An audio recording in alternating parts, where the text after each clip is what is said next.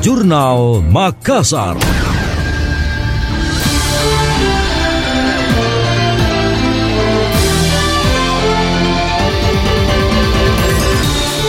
Pemerintah Kota Makassar berupaya mempercepat serapan anggaran.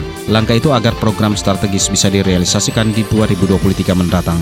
Wali Kota Makassar Dani Pomanto meminta jajarannya mempercepat proses tender dini. Olehnya mengkonsolidasikan koordinasi setiap OPD dan memiliki tanggung jawab terhadap percepatan program strategis Dani Fatma. Dani memberikan jangka waktu kepada OPD yang bertanggung jawab agar melakukan tender dini pada minggu pertama bulan Desember ini.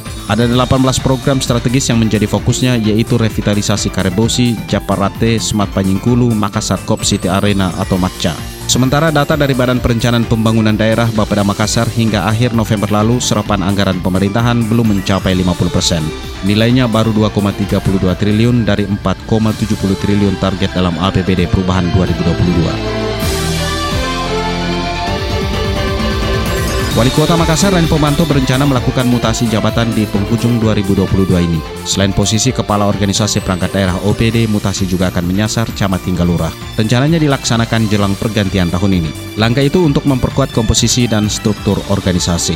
Dani menilai selama ini ada sejumlah OPD belum berjalan maksimal termasuk di jajaran camat dan lurah. Salah satu indikatornya yaitu penyerapan anggaran yang tidak maksimal dilakukan oleh sejumlah OPD. Di penghujung tahun 2022 masih ada satuan kerja dengan serapan masih di bawah 30 persen. Padahal idealnya untuk kondisi saat ini serapan anggaran maupun progres kegiatan minimal sudah berada di kisaran 80 persen. Wali Kota Dani Pomanto menambahkan untuk proses mutasi kepala OPD pihaknya terlebih dahulu akan menggelar job fit. Surat untuk pengajuan job fit sudah dilayangkan ke Kemenpan RB dan saat ini menunggu persetujuan.